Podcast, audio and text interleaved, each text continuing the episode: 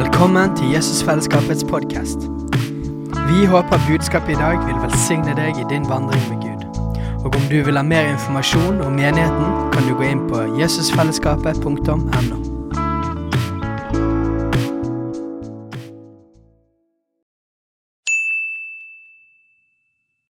Hei! Visste du at Jesusfellesskapet starter en ny bibelskole til høsten? Den heter Jesusskolen og starter den 3. september.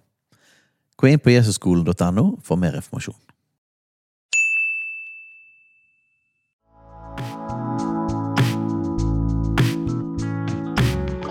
Velkommen til Jesusfellesskapets podkast. Vi håper budskapet i dag vil velsigne deg i din vandring med Gud. Og om du vil ha mer informasjon om menigheten, kan du gå inn på jesusfellesskapet.no. Hei, folkens. Nå skal jeg, eh, liksom Alle oss vi prøver nye ting hele tiden her. Nå skal jeg eh, da prøve å forkynne for første gang eh, til veggen, eller til telefonen min. Er Det veldig underlig, men, men jeg, tror, jeg tror jeg har et budskap fra Gud i dag, så det blir bra. Jeg øver meg på å bli bedre på å introdusere meg sjøl, for det har jeg i alle årene jeg har vært involvert i menighet og bibelskole, alltid glemt. Nå blir det two for two. Nå tror jeg jeg klarer jeg husker det igjen i dag. Så ja, jeg heter Vegard Lofnes. Jeg er gift med Ingrid. Hun er inne på kjøkkenet i stuen og ser på med min datter, som heter Karianne. Hun er fire år. Og vi har en gutt på vei eh, til etter sommeren, for de som ikke visste det. Så det gleder vi oss veldig til. Um, vi har nå eh, jeg Nå husker jeg ikke hvor mange eh, taler vi har hatt på dette, men vi har i hvert fall gått gjennom Fader vår på en litt annen måte enn jeg hvert fall noen gang har forholdt meg til den bønnen på. Jeg, Stein har jo fortalt noen ganger, jeg lurer på om det må være noen sånn genetiske gjesp eh, i denne bønnen her. For jeg kan huske det tidligste minnet mitt fra Fader vår, det var vi ba den alltid før jeg skulle legge meg, med pappa og med mamma. Og det husker jeg alltid at vi, vi ba den på nynorsk, eller sånn hybridversjon av nynorsk. Så det var sånn Fader vår, du som er i himmelen, la navnet ditt helges. La riket ditt komme, la viljen din Og så sånn hver eneste gang. Og jeg, jeg vet ikke om det er genetisk, eller om det bare er sånn for alle. Men det er liksom mitt, mitt tidligste minne i, eh, til Fader vår, da. Eh, men, men de siste månedene spesielt, månedene der vi har gått gjennom og inn i dette her, eh, denne bønnen som en slags manual eller en, en, en, en strategi eller en rytme for bønn, så har bønn blitt utrolig levende for meg. da. Eh, på samme måte som, som Steinar, det var han som initierte dette, men når vi har gått inn i det i lag, og jeg vet ikke om det er mange av dere, jeg håper det, som har brukt denne her, bønnemanualen, og, og bruke rett og slett eh, denne bønnen som overskrifter og invitasjoner på en måte til å, til å gå inn i, i temaet eller det som Jesus presenterer. da. Så for eksempel, jeg har aldri jeg, jeg, har jo bedt i mange år, jeg elsker bønn og har brukt tid med Gud, og sånne ting, men jeg har ofte kjent på sånn OK, i dag er det Faderen, eller er det Helligånd, eller er det Jesus jeg skal fokusere på? Så leter jeg litt etter følelser. OK, så blir det Jesus. Det tror jeg, Hei, Jesus. Og så begynner man å be og sånne ting. Men jeg har aldri, tror jeg, så strukturert over lengre tid eh, hver eneste gang jeg har kommet inn for Gud, fokusert på Han som far. Eh, og det har vært utrolig sterkt, rett og slett. Det er ikke det, det er ikke et ukjent fenomen for meg, eller noe sånt, men, men jeg, jeg opplevde det som en, en, en, invitasjon, på en måte, da, til å gå dypere og mer intensjonelt inn i å se på Gud som far, f.eks. Og jeg, jeg tror aldri jeg har bedt for så mange mennesker på en måte kontinuerlig for mennesker i livet mitt som jeg kjenner som har behov, om at, at himmelen skal innta jorden i deres liv. Eh, og Det har vært fantastisk berikende for meg, og jeg, regner med at det er flere av dere andre som òg har opplevd det eh, som berikende og livgivende da, eh, i den tiden vi har vært i. Det siste ja, jeg anbefaler alle som ikke har hørt alle. De, de aller fleste talene ligger på podkast. Det finner dere der dere finner podcaster. I hvert fall på iTunes og sånne ting. Hvis ikke kan dere høre alt på nettsiden vår òg. De som vi ennå ikke har fått laget podkast av, det er pga. noen tekniske utfordringer som vi prøver å jobbe med. De kan dere se her i Facebook-gruppen. eh, som livesendinger. Så det anbefaler jeg veldig at dere gjør. Forrige uke så hadde Fredrik en helt fantastisk tale med Frelses fra det vonde. Eh, anbefaler sånn at dere går og hører disse, altså, hvis dere ikke har hørt dem. All right, men i dag så skal lovsangpastoren få lov å få den siste biten av denne bønnen. Og på oppstandelsen-dagen til og med, og det er jo et privilegium, spør du meg. Eh, for i dag skal jeg, jeg eh, undervise litt om, om 'For riket er ditt, og makten og æren i evighet'.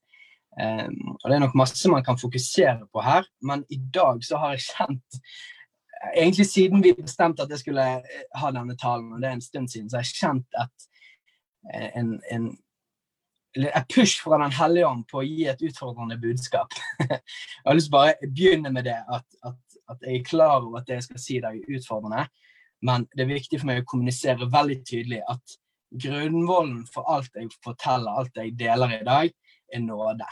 Ok? La oss bare være enige om det før jeg begynner. At dette her, Jeg snakker ikke om å eh, begynne å gjøre ting i egen kraft, eller noen ting av det, men, men alt vi har i våre liv med Gud, det begynner, det holdes ved like, og det avslutter i nåde. Altså, Hvis ikke Gud først dro på oss, så kunne vi aldri bli frelst. Hvis ikke Han kommer med sin hjelp ved Den hellige ånd inn i våre personlige liv, så hadde vi aldri klart å leve livene med Han og til slutt så kommer vi til himmelen, og det er òg et under pga. nåde. Jeg har lyst til å bare si det at det er innkapslert, det er dekket av på begynnelsen og på slutten av nåde. Og så tenkte jeg at vi kunne gå til Filippa-brevet, eh, kapittel 2, vers 13. Det er litt trist at jeg ikke kan høre bibelraslingen gjennom skjermen her, for jeg ser bare meg sjøl. Men ta Bibelen deres, og så går vi til Filippa-brevet 2, 13. Nå er dere sikkert kommet dit. Så bare leser jeg. Der står det For Gud er den som virker i dere, både å ville og å virke til hans gode behag. Hva er det dette betyr? Jo, det betyr at, at alle tingene som jeg underviser i dag, eller som vi underviser, eller alle tingene som vi lengter etter å leve i, eller alle tingene vi får til i våre kristenliv, det er han som virker i oss. det er ikke, jeg, jeg, kan ikke ta ære for det sjøl.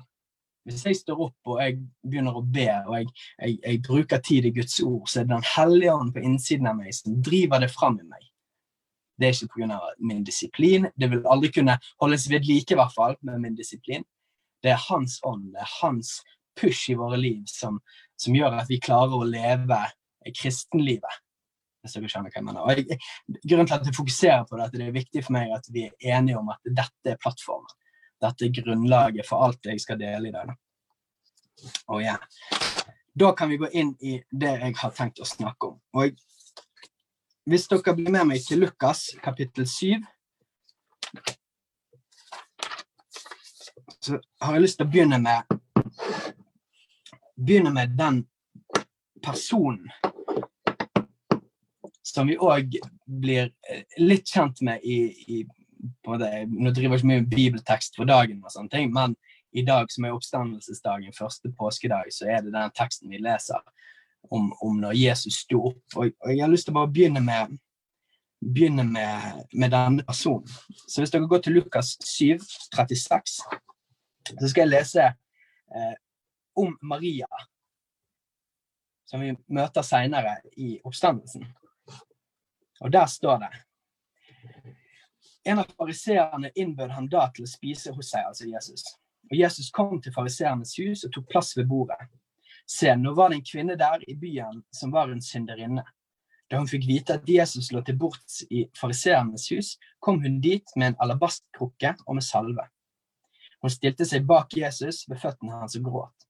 Hun begynte å væte føttene hans med tårer og tørket dem med håret sitt. Hun kysset føttene hans mange ganger og salvet dem med salven. Men da fariseeren som hadde innbudt ham, så dette, sa han ved seg selv, var denne mannen profet, da visste han hvem og hva slags kvinne det er som rører ved ham, at hun er en syndig kvinne. Da svarte Jesus og sa til ham, Simon, jeg har noe å si til deg. Og han sa, Mester, si det. En pengeutlåner hadde to skyldnere. Den ene skyldte han 500 denarer, den andre 50. Men da de ikke hadde noe å betale med, etterga han dem begge gjelden. Hvem av dem ville elske ham mest? Og Simon svarte han, jeg antar den som han etterga mest. Han sa til ham, du dømte rett. Så vendte han seg mot kvinnen og sa til Simon, ser du denne kvinnen? Jeg kom inn i ditt hus, og du ga meg ikke vann til føttene, men hun vette føttene mine med tårer og tørket dem med håret sitt. Du ga meg ikke noe kyss, men hun hadde ikke holdt opp med å kysse føttene mine fra den stund jeg kom inn. Du salvet ikke mitt hode med olje, men hun salvet føttene mine med salve. Derfor sier jeg deg, hennes mange synder er henne forlatt, derfor elsker hun meget. Men den som lite er tilgitt, elsker lite. Og han sa til henne, dine synder er deg forlatt. En ganske rå historie. og, og det blir enda sterkere, syns jeg, hvis vi da bare rett går over til Johannes 20. Hvis dere blir med meg dit. Så har du på en måte den ultimate situasjonen i universet vårt etter skapelsen. At Jesus har vært død i tre dager, og så står Gud inkarnert som et menneske opp fra de døde. Det er det heftigste av alle ting. Av alle ting som har skjedd i universet siden skapelsen. Og her står det Johannes 20. Jeg kan lese fra vers 10. Nå har eh, de fått beskjed om at, at graven eh, var tom, steinen var rullet vekk. Peter og Johannes har løpt, og de har sett, og de har begynt å løpe tilbake. De gikk hjem, hjem til seg sjøl, står det.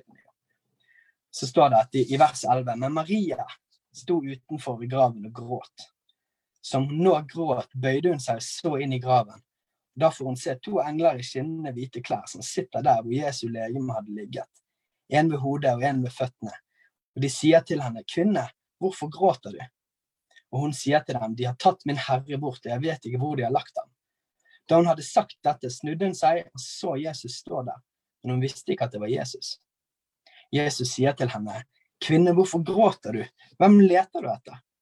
Hun trodde det var hagevokteren og sa til ham, Herre, dersom du har båret ham bort, da si meg hvor du har lagt ham, så vil jeg ta ham. Og Jesus sier til henne, Maria. Og Da vender hun seg og sier til ham på hebraisk, Rabuni. Det betyr mester. Og så sier Jesus til henne, rør ikke ved meg, for ennå har jeg ikke fart opp til Faderen. Men gå til brødrene mine og si til dem, jeg farer opp til min far og deres far, min Gud og deres Gud. Dette er den samme personen som Jesus forkynte for Simon og fariseeren og alle som satt i det selskapet, at hun hadde mange synder, men jeg har tilgitt dem. Og på grunn av at hun har fått sine synder tilgitt, så elsker hun mye. Og det, hvis ikke det er nåde, så vet ikke jeg. Og det er rammen, da. Jeg tenkte det var fint å, å, å sette den, den, rammen rundt budskapet i dag, når det tross alt er første påskedag. Og dette er rammen for det jeg vil snakke om i dag. At vi er tillit, at vi er vunnet, og vi er vi hentet fra Han, og av at vi har fått våre synder tilgitt, så får vi lov til å se Han i Hans herlighet. All right. Sist jeg snakket om tilbedelse i Jesusfellesskapet, så eh, hadde jeg en approach som handlet om, om, om lovsang som respons. Sant? Gud elsker oss først, og så får vi elske Han tilbake. Eh, at Gud er etter hjertene våre, at han er, ekt, han er etter ekthet at når vi kommer fram for Gud, så, så er ikke han interessert i at vi, vi, kommer på vårt beste og later som at alt er fint, og, og, og later som at, at, vi er glad for at det skal gi ham behag. Det er ikke han etter. Han er etter ekthet. Eh, jeg snakket om intimitet med personen Gud. Jeg snakket om Så vidt gikk jeg inn på dette som går på valg. Men, men det handlet om, om lovsang eh, med, med Gud som initiativtaker, hvis dere skjønner hva jeg mener. Men det er en annen side jeg har lyst til å snakke om i dag, som handler om eh, den andre siden av tilbedelse, som handler om at han har allerede tatt initiativet, og så står vi på et valg.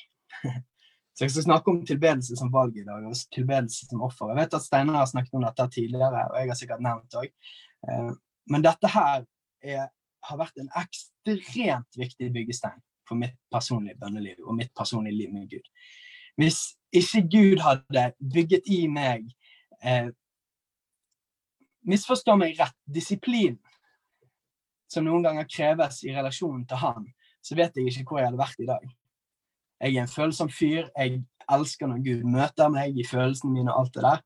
Men det er ikke en grunnvoll å bygge livet sitt med Gud på. Dessverre. Det hadde vært deilig hvis det var det, men sånn er det ikke. Som gjør at han har allerede tatt et initiativ overfor oss.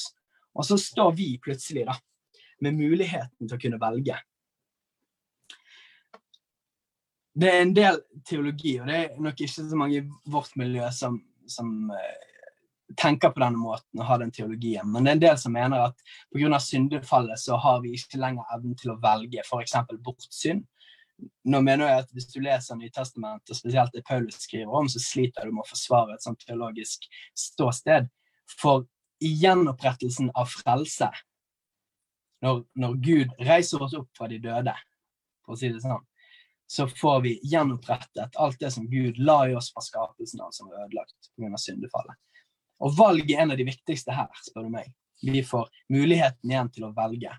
Og jeg har tenkt å, å, dele litt av min historie og min vandring. Og det er viktig for meg at, at jeg går inn på ting som har vært tøffe for meg og, og for vår familie og sånne ting.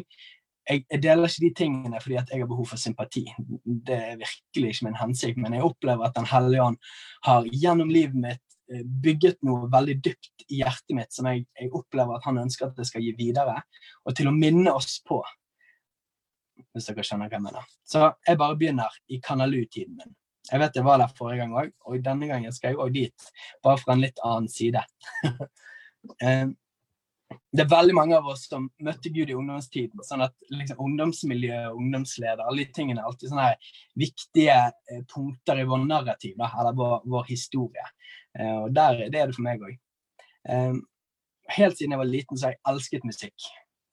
Eh, elsket å høre på musikk og spille og synge, alle de tingene. Og det, er, og det er fremdeles en av mine store store lidenskaper. Eh, gi meg en time der jeg kan sitte med et godt headset på og høre på musikk, så jeg, har du en, en happy Vegard. Eh, og når jeg møtte Gud, så ble naturligvis da lovsangsettingen en veldig, veldig viktig plass for meg. Eh, en viktig plass for meg til å bli kjent med Gud, en viktig plass for meg for å gi respons til Han på. Eh, og mine første møter med Gud det skjedde i lovsangsettinger.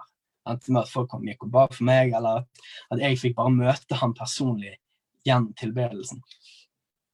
Men eh, gjennom hele ungdomstiden min så husker jeg jeg hadde, jeg hadde en utrolig lengsel, og jeg elsket lovsangen. Men det var alltid en sånn jeg vet ikke om dere har hatt det, men en sånn her, ja, lovsangen var bra i dag, eller lovsangen var ikke så bra i dag, for vi møtte ikke Gud. Og sånne ting. Og det var liksom tankemåten min. da. Det var, sånn, det var noe eksternt som på en måte eh, bestemte hvordan mine opplevelser med han var. Og det var lovsangslederen eller settingen eller mine følelsesmessige omgivelser eh, som på en måte slo fast om det hadde vært bra eller ikke. da. Så opplevde jeg at Gud eh, utfordret meg kraftig. da. Fordi at bønnen min var hele tiden Gud, jeg vil møte deg. Gud, jeg vil se deg. Gud, jeg vil komme dypere. Jeg vil komme lenger med deg. Jeg vil møte deg hver dag, hver gang vi har lovsang. alle tingene. Jeg vil møte deg. Det er min lengsel. Og jeg opplevde at Den hellige ånd eh, pushet på hjertet mitt til at jeg, jeg ikke skulle bare være prisgitt omgivelsene mine, hvis dere skjønner hva jeg mener. Eh, jeg husker når jeg var sånn 16-17 år og jeg var i tilbedelsen og lovsangen, så um, kunne jeg oppleve et sånt tankekjør, et sånt uh, trykk i sinnet mitt som tok fokuset. Uh, som, ville, uh, som gjorde at det var vanskelig for meg å fokusere på. Det var vanskelig å vite hva jeg skulle føle, bla, bla, bla. Sånn at det var en kamp. Og det er ikke rart det var en kamp, for det er noe djevelen ikke liker, så er det at vi tilber Jesus. Det er noe djevelen ikke liker, så er det at vi connecter med Gud. Han hater det så klart han kommer til å gjøre alt han kan for å hindre oss i å gjøre det. Sånn at alle følelsene og tankekjøret det kom så kraftig bare i lovsangen. Altså Med en gang lovsangen var ferdig, så var det som om at det var fred og fordragelighet si, i hodet mitt. Det var ingen problem. Sånn at det var et sånt press akkurat i lovsangen som var en kamp, da. Men så jeg begynte å eksperimentere. Jeg begynte å eksperimentere i lovsangen på fredager og på søndager. Og hvis jeg hadde det hjemme, så begynte jeg å eksperimentere med at ok, hvis jeg ikke følte han, hvis jeg ikke kjente hans nærvær, hva kunne jeg gjøre? Så jeg prøvde å sitte. Jeg prøvde stillhet, jeg prøvde å lese Guds ord til jeg følte det var bedre. Jeg prøvde å vente, jeg prøvde å synge, jeg prøvde å hoppe, jeg prøvde å late som jeg var glad. og Alle de tingene. Men det var én ting, et verktøy, som funket bedre enn alle andre. Og jeg vet at dette kan høres eh, utrolig enkelt ut.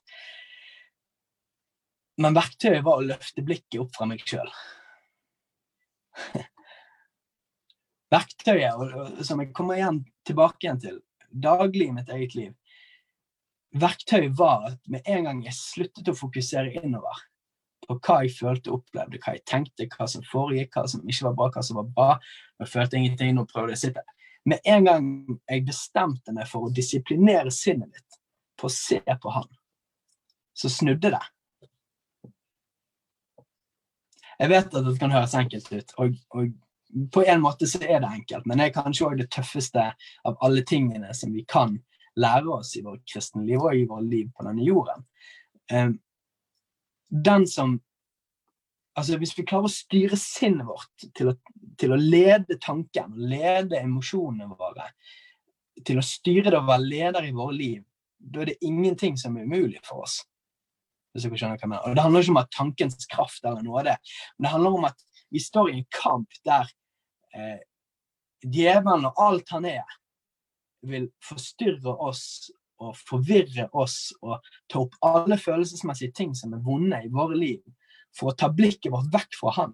For hvis vi kan se på Jesus, hvis vi kan ha perspektivet vårt på Han og den han er, og den Gud er, og at han er far, at Den hellige ånd bor inni oss, og at han reiste opp Kristus fra de døde. Hvor mye mer skal ikke han gjøre da i våre liv? Hvis vi kan disiplinere sinnet vårt og ved Den hellige ånds hjelp leve fokusert med livet vårt, og det er ingenting som er umulig.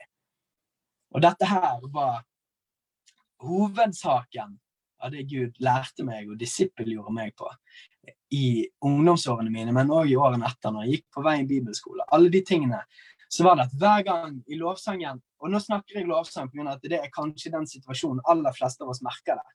Jeg kan merke det fremdeles hver gang nesten i lovsangen. Hvis jeg ikke føler hans nærvær lett, da er det en kamp.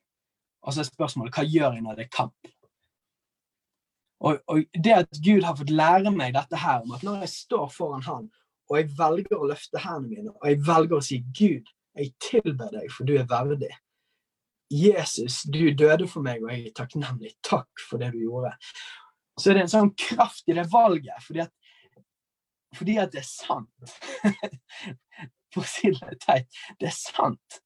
Alle de tingene er sant, og mine følelser og alt som foregår her, kan føles mer sant. Men offeret som jeg gir med å peke på han og løfte blikket mitt og fokusere på han, det har eksplosiv kraft i våre liv. Passerer notatene mine her.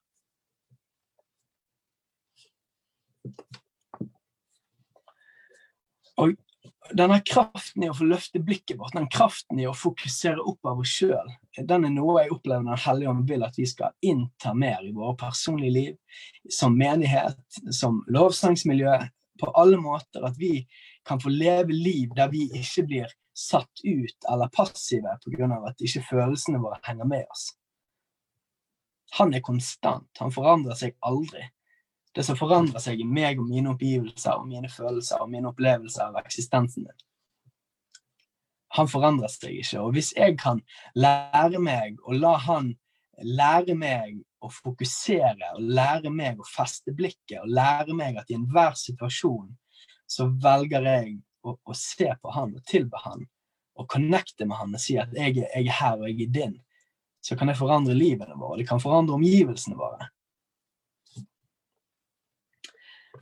Hvis dere blir med meg nå, så skal vi gå til første Mosebok 30.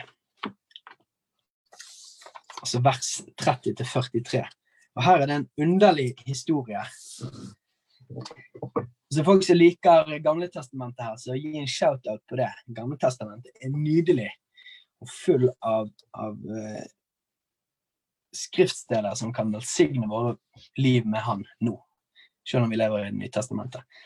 Men her i første Mosebok 30 så leser vi en historie om Jakob.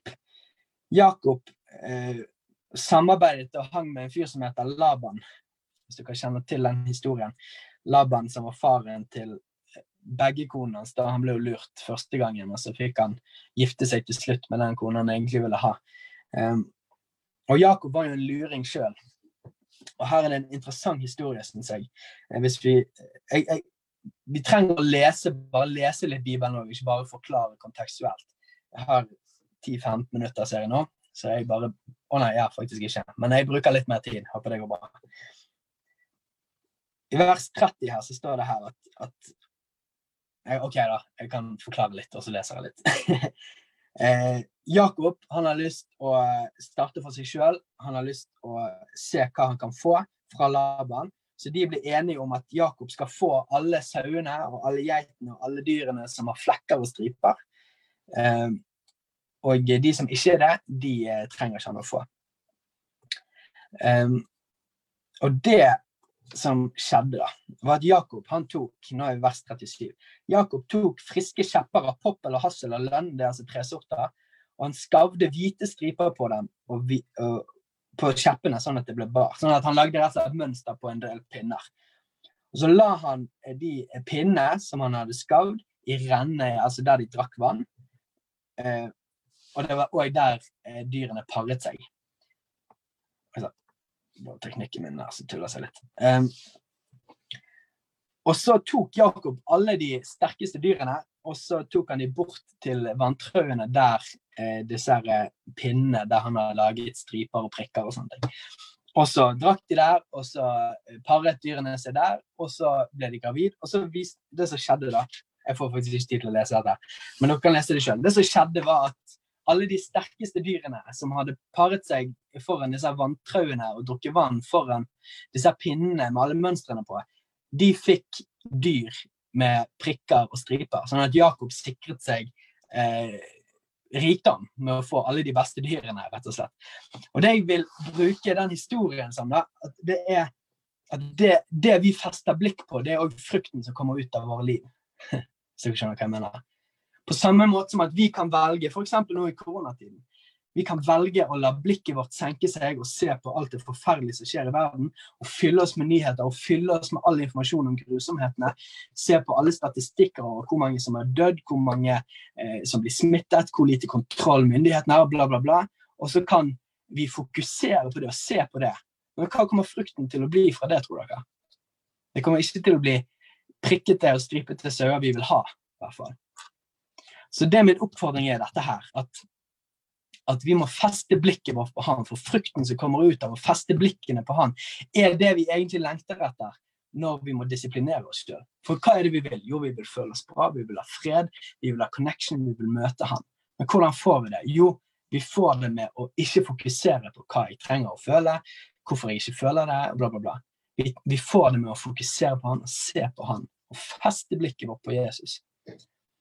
Nå skal jeg begynne å gå inn for landing på noe, men jeg, jeg har lyst til å ta dere med litt i min og vår historie. Eh, det er mange av dere som vet at jeg eh, har en diagnose, multipel sklerose. Eh, jeg har det veldig bra med det, eh, men, men, i 2015 så eh, Bare for å ta det inn i konteksten av mitt liv for det øyeblikket. Da jobbet jeg på Veien bibelskole. Jeg fyrte på der, jeg jobbet sykt intenst. Eh, og Ingrid ble gravid med vårt første barn, eh, som var en fantastisk velsignelse og glede for oss, noe vi hadde gledet oss til lenge. Eh, men på slutten av det året, på høsten der, så jobbet jeg så hardt og sov så lite og tok så lite vare på meg sjøl at jeg traff veggen i 150 km i timen. Og det er dessverre sånn at mange kristne ledere gjør det. Det vil si, jeg, jeg er ikke et unntak, dessverre. Eh, men jeg ble altså helt utbrent. Jeg sa, ga beskjed til lederne mine at jeg, jeg er nødt til å roe ned nå, fordi at nå, nå, hater jeg livet. Jeg hater livet med han, jeg hater alle tingene jeg er med på. Eh, og jeg er nødt til å ta det med ro, fordi at nå er jeg ferdig. da. Um, så jeg hadde begynt å gjøre noen justeringer. Jeg hadde fått litt mer hvile. Eh, to uker etterpå så begynte jeg å eh, miste synet på venstreøyet mitt. Dette. Eh, og jeg, eh, naiv som jeg er, eller dum som jeg er, eller optimistisk som jeg er, så tenkte jeg eh, det er sikkert bare slitenheten og, og forkjølelse eller et eller annet. Og så, så, jeg gikk videre med det, da. Og det ble egentlig bare verre. Så til slutt så fant jeg ut at OK, jeg må gå til legevakten. Så jeg gikk til legevakten, eh, var der, og når de så på øyet mitt, så sendte de meg rett til, til Haukeland. Og de var ganske sinte på meg da, for at jeg ikke hadde sjekket opp på dette før. Og det er visst ikke normalt å ikke se på venstre øye. Apparently. Eh, så sjekket de meg der, og de så inn på synsnerven min. og så sendte de meg til akutten, og så måtte jeg til eh, nevrologisk avdeling på Haukeland. Og jeg visste ingenting. Jeg er optimistisk av natur, så jeg tenkte ja, ja. Jeg var litt sur for at jeg ikke jeg hadde så lyst til å dra hjem og spise en Grandis vi hadde i frysen, som jeg hadde gledet meg til. Istedenfor ble jeg innlagt på sykehuset på nevrologisk avdeling og var der i to dager uten å vite helt hva som skulle skje. Eh, på slutten av, av, de ukene så, nei, på de dagene så, så, tok legen som jeg hadde meg inn på et enerom der, sammen med en sykepleier, og så ga de meg nyhetene. Jeg ga meg nyheten om at jeg hadde fått en sykdom. Eh, som ikke gikk an å behandle i utgangspunktet, noe særlig i hvert fall. Eh, som jeg kom til å ha resten av livet, og som potensielt sett kunne være ekstremt hemmende både for syn, tale, gange, alle tingene. Eh, og livet mitt raste sammen, og det kjenner dere sikkert. Jeg, eh, min lengsel siden jeg var liten, var at jeg skulle få bli en pappa og en ektemann. Og, og når jeg satt der og fikk vite denne beskjeden om at at det kan være at du ikke kommer til å være i stand til å være en god far eller en god ektemann. Det var det jeg hørte, da. Eh, det var ikke det de sa, men det var det jeg hørte. Så sto jeg på et valg, og jeg satt der, og, og livet mitt raste, og frykten var ekstremt sterk inni meg. Men jeg valgte å gjøre noe da. Jeg hadde ikke valgt å gjøre det hvis ikke Den hellige ånd gjennom mange mange år, siden jeg var 14-15 år, hadde lært meg å løfte blikket. Så, så satt jeg der inne og så sa jeg OK, Gud, jeg tilber deg. Gud, jeg stoler på deg, at du er god. Jeg stoler på deg, at du er en, en, en, Gud som elsker meg og min familie, og jeg velger å tilbe deg. Jeg velger å løfte blikket mitt, og jeg velger nå å ikke se innover og se på de tingene som er ødelagt og sykt, men jeg velger å tilbe deg og gi deg ære og Jeg skal love dere én ting. at Jeg gjør ikke dette perfekt i mitt liv. Jeg kan på dette fremdeles med å løfte blikket mitt. Men jeg skal love dere én ting. at Hadde ikke jeg hatt de tingene og jobbet med det, og Gud hadde jobbet det i meg, så hadde jeg ikke hatt håp for min helse. Jeg hadde ikke hatt håp for min familie. Men på grunn av at i mitt liv så hadde det blitt en ryggmargsrefleks. At når livet blir tøft, når følelsene ikke funker, når disse tingene her ikke går på skinner, Allikevel så skal jeg disiplinere meg sjøl og blikket mitt til å si at jeg tilber deg Jesus, og jeg løfter blikket mitt på deg. Ja. Eh, nå har jeg brukt eh, mye tid her, men, men, men, jeg opplever at dette er viktig. og Jeg skal, bare, jeg skal gå inn for landing nå, men, men, det er veldig viktig for meg at dere hører dette. At dette skjer ikke fordi at jeg er flink, eller at vi er flinke og disiplinerte, men det handler om at han virker i oss. Men når han virker i oss, så står vi allikevel på et valg. Og jeg har gjort det til min livsmisjon at jeg i alle omstendigheter, i alle situasjoner, vil tilbe Han. At jeg skal være en tilbeder av ånd og sannhet i enhver situasjon jeg kommer overfor. Og for at jeg kan gjøre det valget, og holde det valget, og, og gjøre det igjen og igjen og igjen, så handler det om at jeg må velge det igjen og igjen og igjen. Fordi at hans invitasjon slutter aldri. Hans invitasjon er der konstant hele tiden. For meg så handler det om å løfte blikket mitt. Jeg har bare lyst til å si til dere det at Gud han kaller oss til å være et folk som løfter blikket og som tilber ham på tross av. Og Jeg kan ikke forstå at det er en bedre mulighet eller en situasjon der Gud har dette budskapet for meg. Jeg fikk dette før koronagreiene brøt ut ordentlig. Men jeg opplever at, at han eh, pusher på for at vi skal ta noen valg. da, For at vi skal løfte blikket vårt. Hvordan ser det ut i praksis? For meg det er ukomplisert, men det er utfordrende. Og for meg så handler det egentlig om dette som det står om, dette her siste verset, siste linjen i Fader vår. Så handler det om det. For riket er ditt, og makten og æren i evighet. For meg så er det den perfekte overskrift og sammendrag av hva dette handler om. Det handler om at jeg velger å løfte blikket mitt og si at for riket det tilhører deg, Jesus og makten og æren i evighet. Og det er, en, det en tilbedelse, det er en bønn som aldri slutter, som aldri stopper opp. Det handler om at vi eh, i tilbedelsessetting, i lovsangen, at vi slutter å vente på følelsene våre, men går inn og sier at 'jeg vil tilbe deg i dag, Jesus'. Jeg vil gi deg ære i dag, pappa. Og du er god. Det handler om at vi eh, trener oss sjøl til at når det ikke føles sånn, at vi synger høyere det, det, handler om at jeg, jeg hopper, at jeg, jeg, danser, at jeg gjør de tingene som aktiverer min tilbedelse fra et valg. Og det er ikke falskt, folkens. Det er mer ekte enn noen ting, for følelsene dine det er ikke det som sitter på sannheten. Den som velger, så Det er din ånd som skal lede ditt liv. Og hvis du fra din ånd velger å tilbe Han, så er ikke det fake. Det handler om å gjøre sånn som David gjorde mange ganger i salmene men der han sier 'min sjel, pris Herren'. Han befaler sin egen sjel til å gi han ære. Det er det det handler om, og det er sånn det ser ut i praksis. Jeg tror jeg gir meg der. Jeg har gått litt over tiden. Jeg hadde sikkert kunne gått mye lenger over tiden, men jeg tenker at vi, vi ber litt.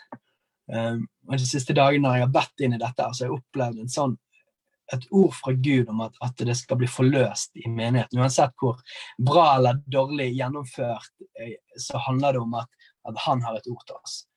Så Jesus, jeg har lyst til å be deg om dette. Herre. Jeg ber deg om at du skal komme med et sånt gjennombrudd, Herre, i alle i menigheten vår sin liv, Herre. På det å velge å være tilbedere i ånd og sannhet, Herre. Og jeg ber om at du skal, sammen med oss, Hellige komme, Herre, bak med vind i seilet og vind i ryggen, for at vi kan få lov å ta noen nye valg, Jesus, og ta noen bestemmelser for hvem vi skal være, og hvordan vi skal forholde oss til deg og til livet generelt. Her. Altså, jeg ber om det her. Jeg ber om at du skal gi oss nåde til å løfte blikket. her. Gi oss nåde til å styre sinnet vårt. Herre. Gi oss nåde til å og hengi oss, Herre, på tross av omstendighetene våre, Herre. Jeg ber om det. Jeg ber om at du skal vekke det opp i oss, Herre. Jeg ber om at du skal vekke det opp i hver eneste person som ser på i dag, Herre, som ser det seinere. Vekk opp en lengsel, Herre, etter å være tilbedere. Vekk opp en lengsel etter å løfte blikket, Herre.